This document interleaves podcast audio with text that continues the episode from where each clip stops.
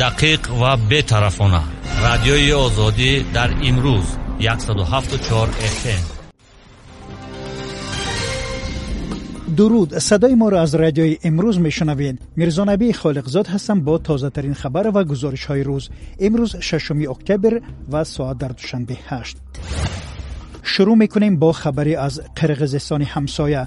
نمایندگان حزبای سیاسی در قرغزستان از جمله آتامکان رسپوبلیکا بیربال و زمانداش با ناراضگی از نتیجه های انتخابات پارلمانی آن کشور روز 5 اکتبر به کوچه ها برآمدند انتخابات روز 4 اکتبر برگزار شد.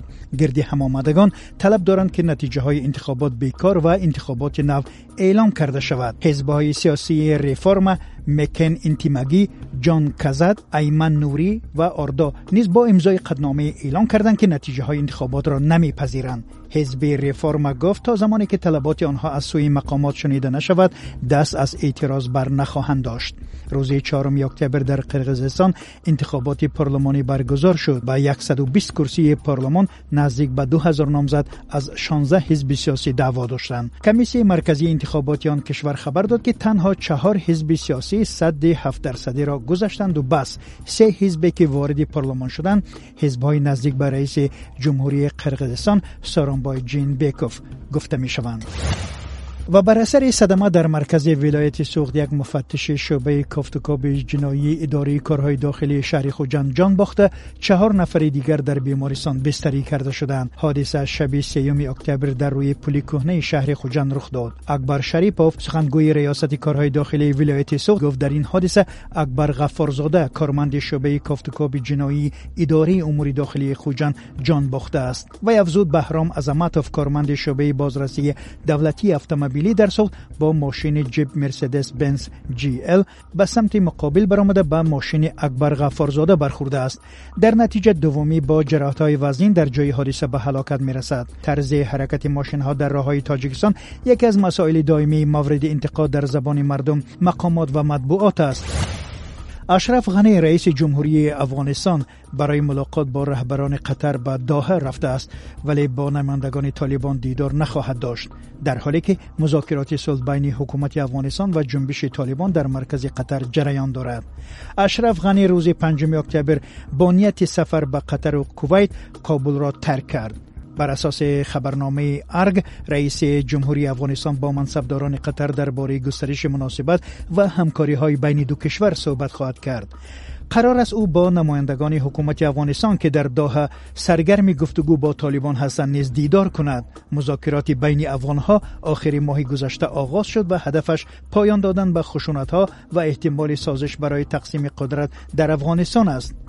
به اطلاع منابع دیپلماتی جانب ها هنوز به پیشرفت نائل نشدند و خشونت ها در افغانستان همچنان ادامه دارند.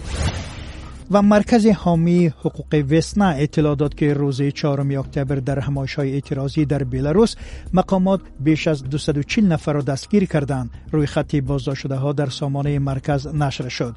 بازداشت‌ها بیشتر در شهر مینسک صورت گرفته است. با گفته حامیان حقوق در شهرهای برست، گرادنا، ویتبکس، ماگلیوف، بابرویسک و سالیگارسک هم اعتراضگران دستگیر شدند. Пештар весна аз боздошти зиёда аз даҳ рӯзноманигор ва аккоси расонаҳои гуногун дар минск брест гродно витебск могилёв ва бобруиск хабар дода буд. Анҷумани хабарнигорони беларус дертар иттилоъ дод ки аксари рӯзноманигорон озод шуданд. Дар беларус ҳудуди ду моҳ инҷониб эътирозҳо идома доранд. Эътирозҳо баъди он оғоз шуд ки комиссиони марказии интихоботи беларус дар интихоботи президентии 9 август александр лукашенкоро баранда эълон кард нашри дидгоҳҳои мухталиф ва мутазод 174 fm маҳмурод одинаев муовини раиси ҳизби социал-демократии тоҷикистон хабар дод ки афроди ношинос писари 24солашро шабона латукуб карданд одинаев мегӯяд бо латукуби писараш мехоҳанд ӯро тарс диҳанд ки аз фаъолиятҳои сиёсӣ даст кашад тафсилоти бештарро дар гузориши ҳамкорам мулло раҷаб юсуфӣ мешунавед محمورات آدینف معاون رئیس حزب سوسیال دموکرات روز پنجم اکتبر گفت شیخ رضایف پسر 24 ساله او را شب گذشته لطوکوب کردند به گفته معاون رئیس حزب سوسیال دموکرات پسر او راننده تاکسی بود و حادثه زمان رخ داد که یک مسافر را به جماعت سامان شهر حصار برد. او گفت شب برآمده برای کار کردن دو تنگه مبلغ در اومد کردن تاکسی راننده کار می‌کنه هیچ حادثه رفتگی است برای بعد تلفن همون یک پیچ خدمتی همون وای آوردن شما اینجا آمده قطعی کرده می‌کرده گفته لطو کوب کردگی هستند مقامات امور داخلی می‌گویند به تحقیق حادثه شروع کردند. نصرت الله محمدزاده سخنگوی وزارت کارهای داخلی در صحبت گفت چون این حالت جای دارد و آنها حادثه را تحقیق می‌کنند. مراجعت کردگان به گرفتگان همین حالات هست. کارهای ارتشاتی اپراتیوی جامعه دارای گمانبارا معین کرد مقامات از این بیشتر شرح ندادند اما محمورات آدینایف باور دارد که لتوکوب پسرش به خاطر فعالیت های سیاسی او است. ба гуфтаи муовини раиси ҳизби социал демократ ҳодисае ба сари писараш омада به خاطر ترس دادن دیگرها و او است. همه این سیاسی است. همه این رفت دارد به کار فعالیت من. مقامات به این ادعا تا حال واکنش نکردند اما در گذشته اداره های رسمی تاجیکستان همیشه فشار به مخالفین را رد کردند. لتوکوب پسر معاون رئیس حزب سوسیال دموکرات در حال رخ می‌دهد که روز 22 سپتامبر رحمت الله زایروف رئیس این حزب هم از لتوکوب شدنش خبر داد. هرچند مقامات وزارت کارهای داخلی گفتند زایروف را کسی لتوکوب نکرده است و سگش او را به جوی پرتافت مسئولین حزب سوسیال دموکرات که از آنها همچون یگانه نیروی مخالف در داخل کشور نام برده می شود بارها از فشار مقامات شکایت کردند. حزب سوسیال دموکرات سال 1998 و زمان ثبت نام شد که زایروف مشاور حقوق پرزیدنت امام علی رحمان بود و بعد ثبت نام حزب در وزارت عدلیه از مشاوره پرزیدنت استعفا داد و از آن زمان تا کنون رهبری این تشکل سیاسی را به عهده دارد. سازمان های بین المللی برها حکومت تاجیکستان را برای سرکوب کردن نمایندگان احزاب مخالف و فعالان سیاسی تنقید کردند. مقامات تاجیکستان همواره می‌گویند در کشور به حقوق مردم و آزادی های سیاسی احترام می‌گذارند.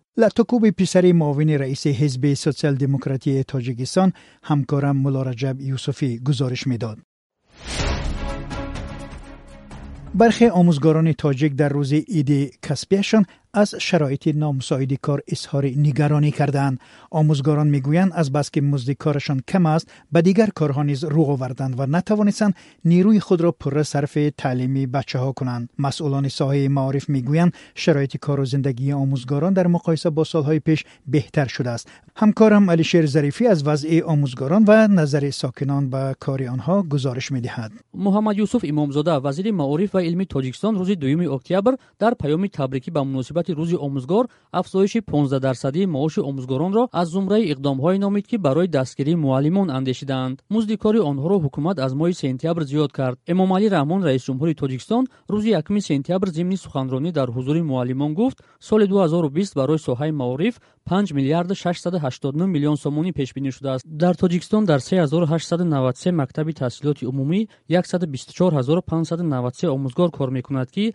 аз ин 74046 нафарашро занон ташкил медиҳад бегиҷон изомов як омӯзгори тоҷик мегӯяд мехоҳад тамоми нерӯяшро барои таълими бачаҳо ва кори омӯзгорӣ сарф кунад аммо барои таъмини рӯзгор маҷбур аст кори дигаре ҳам кунад зеро 1300 сомонӣ маош ба зиндагӣ намерасад гап дар бораи он меравад ки дар замони шӯравӣ гарчанде ки ба ҳисоби миёна яксаду панҷоҳ то дусад сомӣ ҳамон саёзӣ мегирифт маош омӯзгор арзонӣ буда ҳамин масалан од равғани дигар дигар арзон буд حوز هر حال کم در مشکل ها هست. Бегиҷон изомов мегӯяд дар баробари он ки дар мактаби рақами чили ноҳияи панҷ аз фанни таърих дарс медиҳад раҳбарии ин муассисаро низ бар дӯш дорад ва ҳаёти омӯзгоронро хуб медонад. Ӯ гуфт омӯзгороне ҳастанд ки аз 480 то 580 сомонӣ маош мегиранд ва яке аз сабабҳое ки ҷавонон зуд корро тарк карда роҳи муҳоҷирати кориро мегиранд нарасидани пул аст. Айни замон мақомот мегӯянд ба омӯзгорон имтиёзҳо додаанд то зиндагиашон беҳтар шавад. Шаҳлохон мирзоева муовини мудири шӯъбаи маорифи шаҳри конибодон мегӯяд. Шаст нафар кредити бефоиз барои мутахассисҷон пешбиниш бедку ана ҳамуна гирифтам. Баъд раи заминба гирифтани нарзи ҳавликива ду нафар навбатбестозиян агар қарори раиси шаҳр гидор шавад китъаи замин гоҳе аз кори омӯзгорон ва сатҳи таълиму тарбия интиқодҳо мешавад коршиносон мегӯянд интиқодҳо аз сатҳи таълиму тарбия беҷо нест вале барои беҳтар кардани он бояд ғами муаллимро ҳам хӯрд мунира иноятова собиқ вазири маорифи тоҷикистон мегӯяд ҳар як омӯзгор масъулияти худро назди миллат бояд эҳсос кунад зеро он чӣ ки омӯзгор тарбия мекунад ба пешрафти давлату миллат марбут аст иноят ва афзуд омӯзгор дар ҷомеаи тоҷикистон ҳанӯз ҳам обрӯву эътибор дорад ва ба онҳо чунин гуфтанист ки дар баробари вақти касбӣ вақти инсонӣ ҳам дошта бошанд ва фарзанди мардумро нағз таълиму тарбия диҳанд омӯзгорони тоҷик аз музди кам мақомот аз ғамхорӣ дар ҳаққи онҳо гуфтанд гузориши ҳамкорам алишер зарифиро шунидед саҳифаи моро дар ютуб бо номи озодии видео мушоҳида кунед озодии видео намое аз воқеиятҳои рӯз аст شما خبر و گزارش های رادیوی آزادی را روی موج 1074 اف ام در پیشنهاد من میرزا نبی خالقزاد شنیدید. خبر و ویدیوهای نو را از تاجیکستان و جهان در وبسایت رادیوی آزادی بخوانید و تماشا کنید. وقت خوش. رادیوی آزادی در امروز 1074 اف ام.